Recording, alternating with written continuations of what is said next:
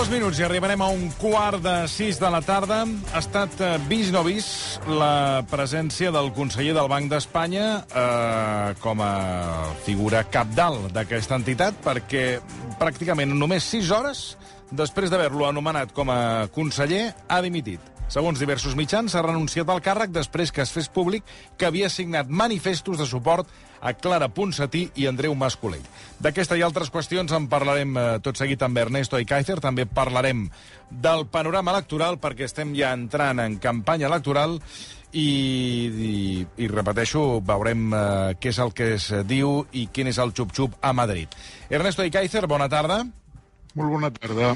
Antonio Cabrales, economista i catedràtic de la Universitat Carlos III, assegura que no és independentista, però que va voler, va voler donar suport a dues persones, a Clara Ponsatí i Andreu Mascolell, que va conèixer en l'etapa de catedràtic a la Universitat Pompeu Fabra. I eh, res, ha estat sis hores com a conseller del Banc d'Espanya fins que, eh, per prevenir l'exposició mediàtica, doncs va decidir deixar el càrrec. Aquesta excusa li, o aquest argument li quadra amb les seves informacions? Sí, yo creo que ha sido una casa de brujas. Eh, esto es lo que pasa en la España de hoy. Eh, este hombre, que es un hombre nacido en Madrid en 1967, tiene un expediente académico eh, in, intachable, es una figura internacional en la Universidad de California, en el Reino Unido. Yo no, no es santo de mi devoción en materia macroeconómica. Es un hombre que además se dedica, digamos, a, a temas eh, que tienen más que ver con la sociedad que con la macroeconomía. Eh, además quan diu, escribe... perdoni, quan diu que no és sant de la seva devoció, a què refereix? Quin tipus de, Me refiero de, a que, de, de, de es criteri econòmic té? Está encuadrado más bien en lo que yo llamaría el sector neoliberal de la economía, que es la total y absoluta mistificación de la economía capitalista y es un poco está encuadrado en el Banco de España. Por eso venía muy bien al Banco de España. Lo que pasa es que es un experto en temas sociales y temas laborales y, y en la interacción de las instituciones. Eh, digamos que no es un experto en economía monetaria, probablemente por eso también podía venir bien al Banco de España, pero a mí lo que me parece un disparate es que firmar un manifiesto, usted dijo eh, dar support, Mm. bueno, él no dio apoyo a Clara Ponsatí genéricamente, no le extendió ningún cheque en blanco. Dijo que estaba muy bien que la Universidad Británica, eh, eh, creo que es la Universidad de St. Andrews, acogiera a Clara Ponsatí. Esto es un crimen. Pues eh, evidentemente es un crimen porque él ha tenido que renunciar a su carrera en el Banco de España. Además parece que no solamente iba al Consejo General, que en fin, tampoco es un puesto, de, le diré yo, muy importante, sino que iba a ir al Consejo Ejecutivo del Banco, que se reúne, en fin, que es la máxima, el órgano más importante del banco. Entonces, desde esa perspectiva, una solidaridad con una colega que es acogida por una universidad extranjera eh, es un crimen. Bueno, en España es un crimen. Entonces, después se llena la boca diciendo que no se puede criminalizar al independentismo. No, hombre, tú puedes ser independentista, eso no tiene nada que ver. Si eso es verdad, si Don- eso es verdad, ¿por qué Feijó dijo que ha hecho bien en renunciar cuando Bueno. el PP le, promo- le, propo- le propuso? És el que li anava a dir. La proposta és del Partit Popular i el govern espanyol li dona el vistiplau. I després d'aquestes sis hores, quan s'assabenten que ella en el seu dia va, en fi, va estar d'acord amb aquesta intervenció de Carla Ponsatí i d'Andreu Mascolell, és quan eh, el mateix, eh, concretament Cuca Gamarra, pel que apunten és quan li diu que, que ja no li donen suport, és a dir, que a l'assabentar-se d'això el deixen caure, tot i que, tal com vostè diu, ell subratlla que no és independentista. Y pero tampoco tiene por qué decir que no es independentista. Ja, però és que ho ha a sobre ho ha dit. Ya, digo, sí que lo ha dicho, pero eso revela el clima que hay en este país. Es que el, el- el independentismo no es una actividad criminal. Sí, sí, Eso lo dicen la derecha todos los días. Y lo dicen los jueces todos los días. No, si no le a usted no le juzgamos por ser independentista. ¿Cómo no nos, juega, por ser independentista? Fíjese, este tío firma un manifiesto a favor de que la cojan en una universidad extranjera, ¿eh? en una universidad del Reino Unido, junto con otros 50 eh, académicos. Y, y, y, dice, le, le, da su apoyo, ¿no? Le da su apoyo, dice, oye, yo me solidarizo con esta mujer, no me solidarizo con lo que ella hizo cuando era consejera en el gobierno de la Generalitat, no me solidarizo. Eh, bien, eso es otra cosa, pero es que eso de decir que no es independentista, pero que renuncia, en fin, eh, yo creo que es un, es un, eso es macartismo, eso es lo que había en Estados Unidos en los años 50. Eso es lo que había en Estados Unidos en los años 50. No parece que en el resto del mundo, donde este señor participa en universidades, eso sea un crimen. Com, com s'entén això de... És a dir, com s'entén que és, un, és proposat pel Partit Popular i al conèixer doncs, aquest recolzament en el seu dia de que estiguessin aquests dos uh, professors, uh, ja li retirin el suport. Vull dir, s'ho han mirat poc, no? Tinc la sensació que que se, se l'agafen en paper de fumar, perquè si no, clar... Tiene usted razón, es un hazme reír. Claro, es un hazme reír porque eh, es interesante que esta gente que ve en los independentistas y en el independentismo un, uh, un cuco, ¿eh? es decir, el... Eh, sí, sí, ya eres sospechoso. Ya, y, y no se encargan no se han encargado de, mirar. Seguramente alguien, alguien les ha recomendado, ha dicho, seguramente yo supongo, porque no lo sé, pero les ha dicho, este es un profesional estupendo, tiene una digamos, un expediente académico, vamos, intachable, buenísimo, y nadie se preguntó por otra esfera de la actividad eh, personal suya y privada que es, por ejemplo, haber apoyado a una colega suya y a otro colega, nada menos que Andreu Mascoyey, eh, de, eh, porque les conoce de la Universidad Pompeu Fabra, y no se han percatado de eso, se les pasó el pequeño detalle. Y luego va un, aparentemente, un periódico y hace la, hace la, el de la, eh, le delata y se gana un premio, hay que darle el Pulitzer a este, eh, a este periódico que ha sacado el tema como delator y como, y como eh, alcahuete, que es la palabra adecuada para decir, ¿no? La conoce usted, ¿no? Sí, sí, sí. Entonces, este es el país que tenemos. Y este es el país de la, de la del auto del otro día del Tribunal Supremo. Y este es el país de los Yarena. Este es el país que gobierna. Hay un, digamos, perdón, el país que tiene el poder. Y luego hay un gobierno. Pero de la misma manera que el rey reina pero no gobierna, el gobierno eh, está en el gobierno, está en Moncloa, però no gobierna. Però no gobierna. Sí, sí.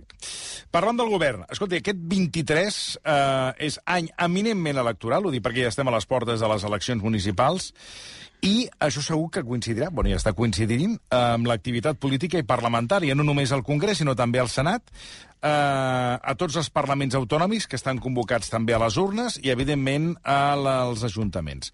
Ara sí, Ernesto, que, tal com vostè subratlla i retitula, eh, podem parlar d'un any superelectoral?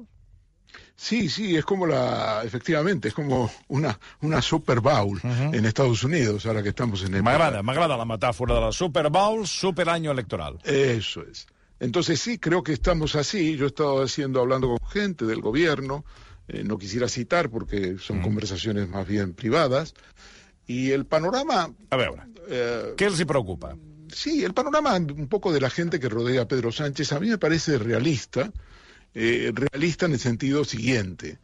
Ellos dicen, vamos a ver, el PP y el PSOE están en empate técnico. Puede ser que el PP esté dos por encima, dos, el PSOE dos por debajo o al revés. En fin, según las encuestas, en general el PP está por encima. Pero está en empate técnico. Va a ser una eh, elección a cara de perro. Bien, entonces, ¿quién va a ganar? Es muy difícil saber qué es lo que va a pasar porque probablemente no dependa tanto ni del PP ni del PSOE y dependa más de cuáles son uh, cuál es el recorrido de los aliados, de los potenciales aliados, es decir, de Vox y de Unidas Podemos. Entonces, en estas condiciones, toda la batalla legislativa se ha acabado ya las medidas que ha tomado Pedro Sánchez de subida al salario mínimo, eh, que son subidas que tienen que ver con su programa electoral y por lo tanto no se pueden tachar, en mi opinión, de electoralistas. No es nada que se haya improvisado, sino que estaba en el programa con el cual él ganó las elecciones, las últimas. Eh, ya no hay mucho más que hacer, queda la presidencia europea, que es una batalla que a mí me parece que va a ser muy importante, va a ser muy importante, pese a todo lo que se dice, eh, porque no se mide en términos de votos, sino se mide en términos de opinión pública, de clima, de ambiente, de sensaciones, eh, ya lo veremos. Mm. Eh, lo vimos en el caso de la, de la OTAN y yo creo que lo vamos a, a ver en mayor escala en el caso de la Unión Europea. Pero entonces no hay mucho más que hacer. Entonces el, todo el peso, todo el peso de la elección si más o menos vamos con esta idea de que los dos partidos están más o menos empatados, depende fundamentalmente de Unidas Podemos por un lado y de Vox del otro. Y en el tema eh, de Unidas Podemos tenemos un problema, Houston, y es que no sabemos eh, qué va a pasar con la alianza entre eh, Yolanda Díaz y Paula Iglesias. Y este es el problema cardinal, porque si el PSOE logra más o menos mantenerse, digamos, con lo que dicen las encuestas actuales, en los 120, 125, eh, y más o menos el PP, a lo mejor está dos por encima, dos por delante, o lo que fuere, eh, eh, ¿cómo, ¿cómo se forma gobierno? Para eso Unidas Podemos no tiene que desaparecer. Y no solo no tiene que desaparecer, sino tiene que sumar. Sumar en el sentido de obtener, recuperarse, porque las encuestas les están dando muy mal.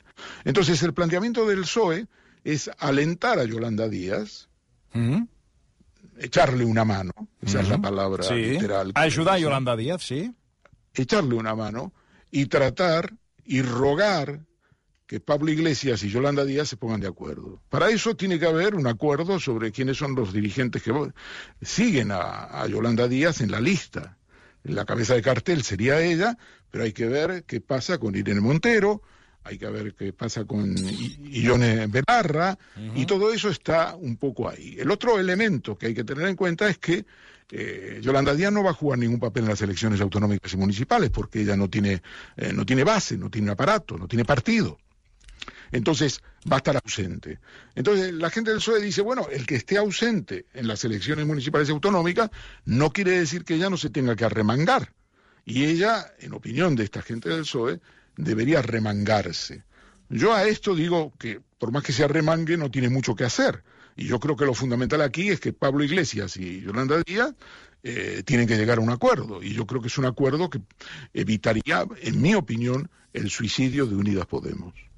Eh, Pablo Iglesias está en una línea eh, que yo creo que es una línea aparentemente intransigente, creo que es una línea que va a llevar, eh, como en aquella famosa película, hasta el borde del precipicio, Rebelde sin causa, ¿se acuerda usted? Sí, tan. Eh, con los eh, focos de los automóviles ahí al borde del abismo, que parecía que se iban a caer, y, bueno, al final uno se cae y el otro no. Eh, se trata de resistir porque en el último momento James Dean se baja, abre la portezuela y, se queda y se salva.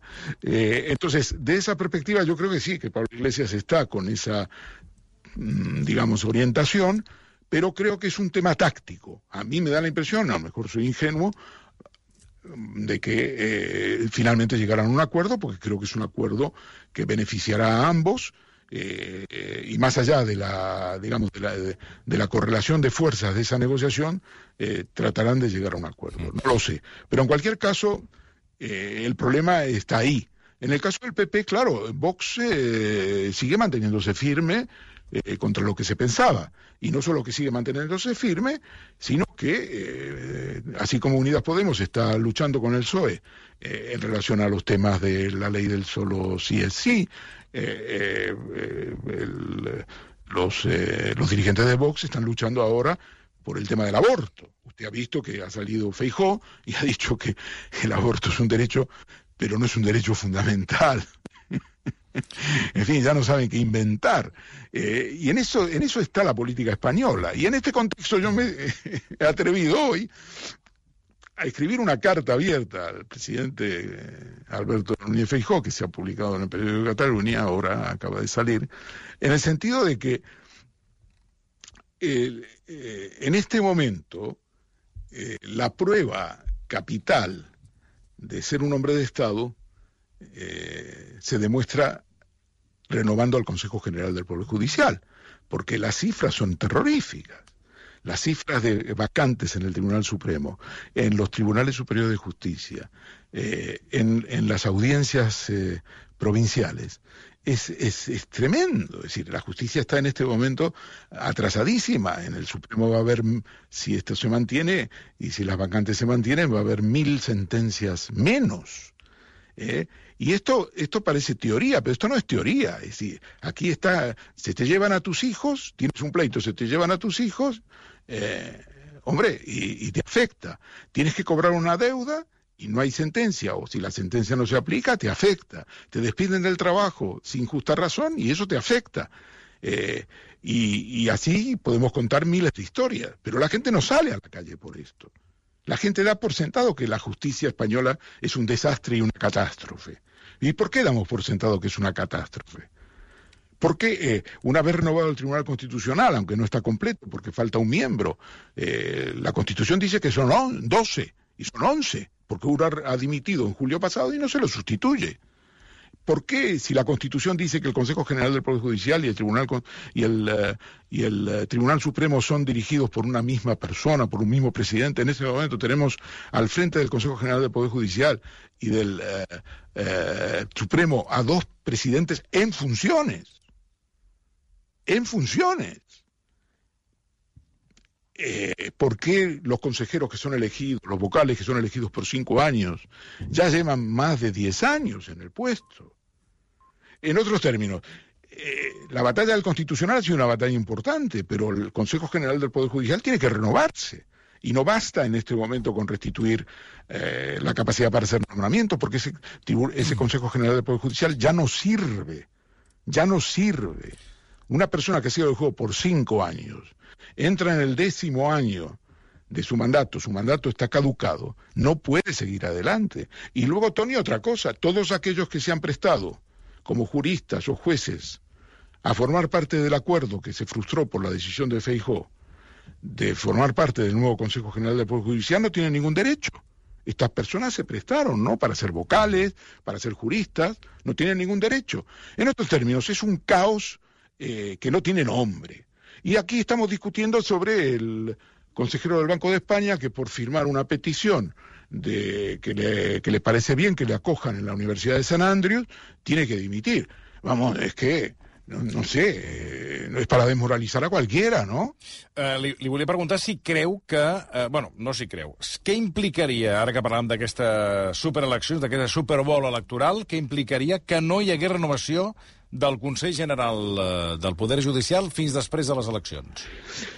Bueno, la primera consecuencia de eso es que no es verdad que sea después de las elecciones. ¿Por qué? Porque después de haber planteado todos estos años el pretexto de que hay que cambiar el sistema de elección, mm. como yo explico en la carta, que me lo dice además un magistrado conservador, hombre, el PP cuando si gana las elecciones fijó y forma gobierno,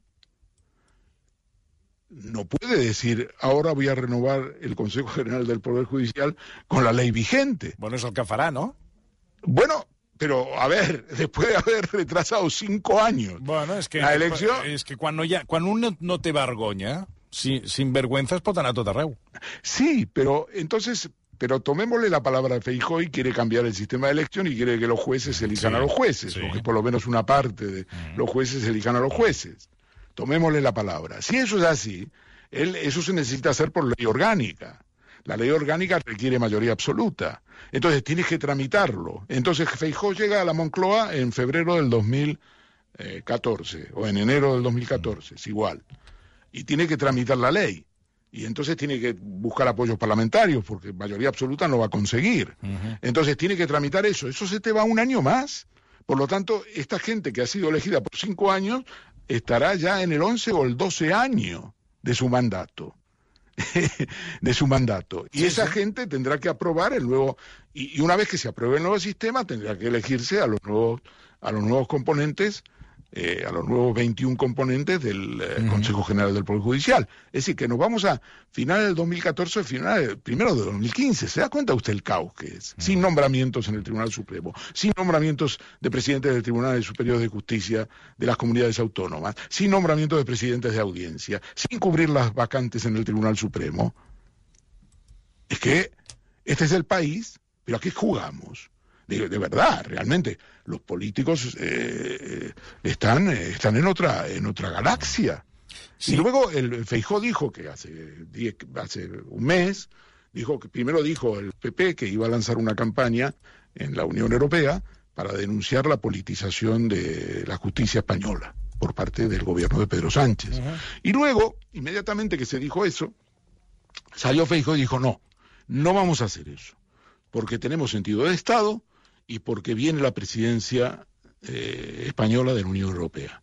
Entonces yo digo, humildemente, si vamos a hacer sentido de Estado, ¿por qué no renovamos ya? Porque Estonia es una tarde. Se sientan Félix Bolaño, ministro de la Presidencia, y Esteban González Pons, que es el portavoz para estas cuestiones del PP, y ya lo tienen todo, están todos elegidos.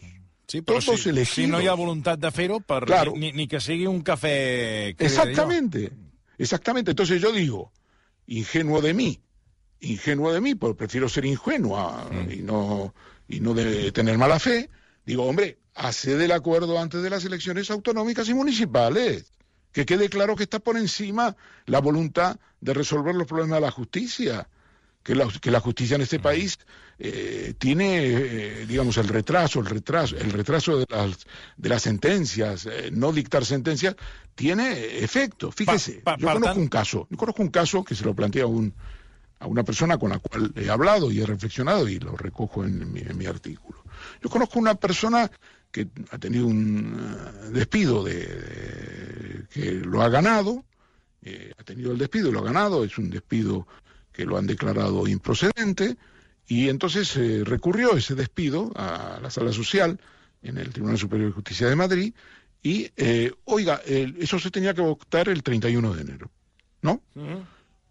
El 31 de enero comunican eh, de la sala de lo social que no se va a deliberar ni votar y que se pasa para el 21 de marzo. ¿Vale? Entonces yo digo, hombre, ¿no tenían ellos tiempo para decidir y anunciar que no iban a votar el día 31 de enero? No tenían, se dieron cuenta cuando, el día 30 de enero, de que no iban a poder votar el 31.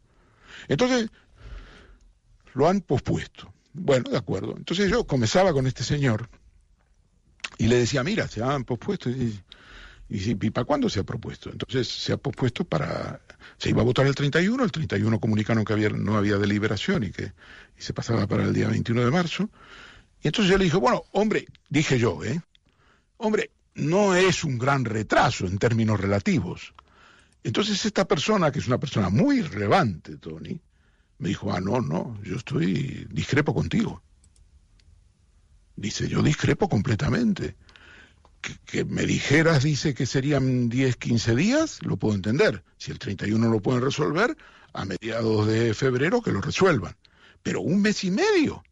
No, a mí eso ya me parece. Entonces me dice esta persona, mire, Tony, me dice, fíjate, tú que conoces este mundo, que lo sigues día a día, me acabas de decir que no te parece un gran retraso. Imagínate la gente de la calle. Y yo le dije, tienes razón, és que ja estamos anestesiados.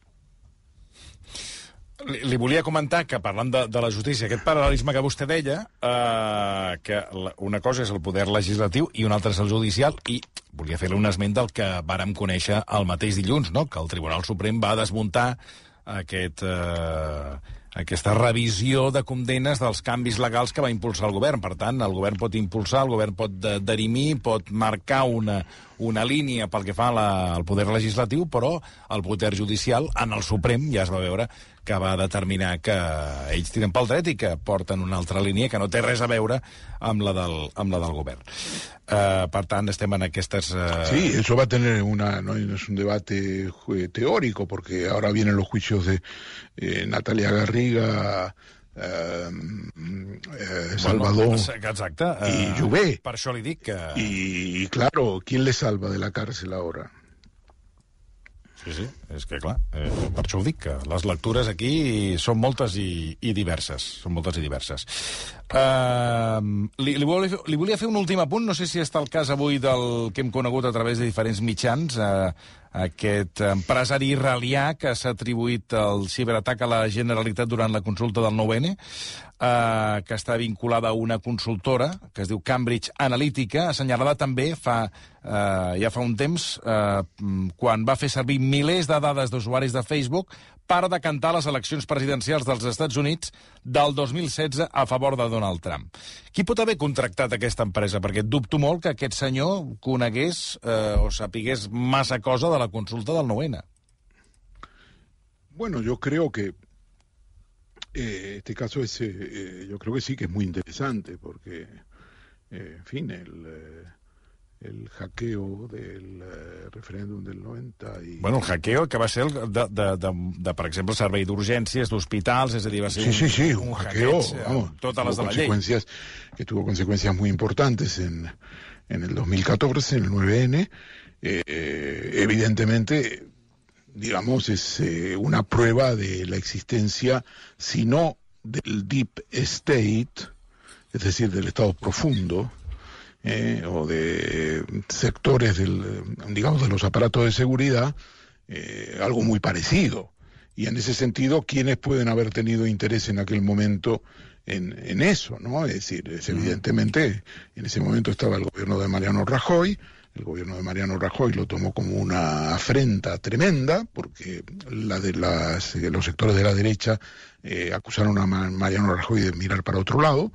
Eh, ¿Se acuerda? ¿no? Sí, se y tan, originó, se originó una crisis, eh, dimitió luego el, el, fiscal general del Estado, eh, el señor eh, eh, ministro Catalá, de alguna manera, pues ajustó cuentas con el con el fiscal general que dimitió, hubo que sustituirle, nombraron una consuelo madrigal y además se abrió una crisis en la propia Fiscalía de Barcelona, ¿no?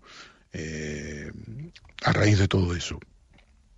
Y yo creo que, digamos, los únicos eh, que pueden estar interesados en eso, indudablemente, son los aparatos de seguridad y probablemente esos aparatos de seguridad que luego también trabajaron con los israelíes en el tema del Pegasus, pues eh, uh -huh. estamos en una línea de, de continuidad, ¿no? Ah, y si a eso le sumamos la, eh, la operación de Cataluña, que yo insisto una vez más, insisto una vez más, la operación de Cataluña no fue una operación de las cloacas. Ese es un concepto equivocado. Espero yo en mi libro, que estoy terminando ahora, ya le doy la primicia, eh, sobre Villarejo, eh, que me ha tenido apartado eh, en las últimas semanas, del día a día. digamos, el, argumento fundamental es que son las instituciones, las cúpulas de las instituciones, las responsables, y que no es una cosa que uno puede atribuir a sectores incontrolados, a sectores marginales, tipo Villarejo. Villarejo está prendido como una especie de parásito a las cúpulas policiales. Es un francotirador que es utilizado para ciertas eh, misiones y que su característica fundamental es aprovechar mucha de la información que obtiene para su rédito y sus bolsillos. Esa es la característica de Villarejo. Pero Villarejo no es el Deep State. El Deep State en España es la cúpula policial, es el Eugenio Pino, es eh, como director adjunto operativo de la policía, es Marcelino Martín Blas como jefe de asuntos internos. Y tendré ocasión el próximo sábado en el fax con eh, mi amigo Eduard Puyol en poner una cintita y un audio muy breve que será muy revelador ah. para todos aquellos que en Catalunya me quieren escuchar.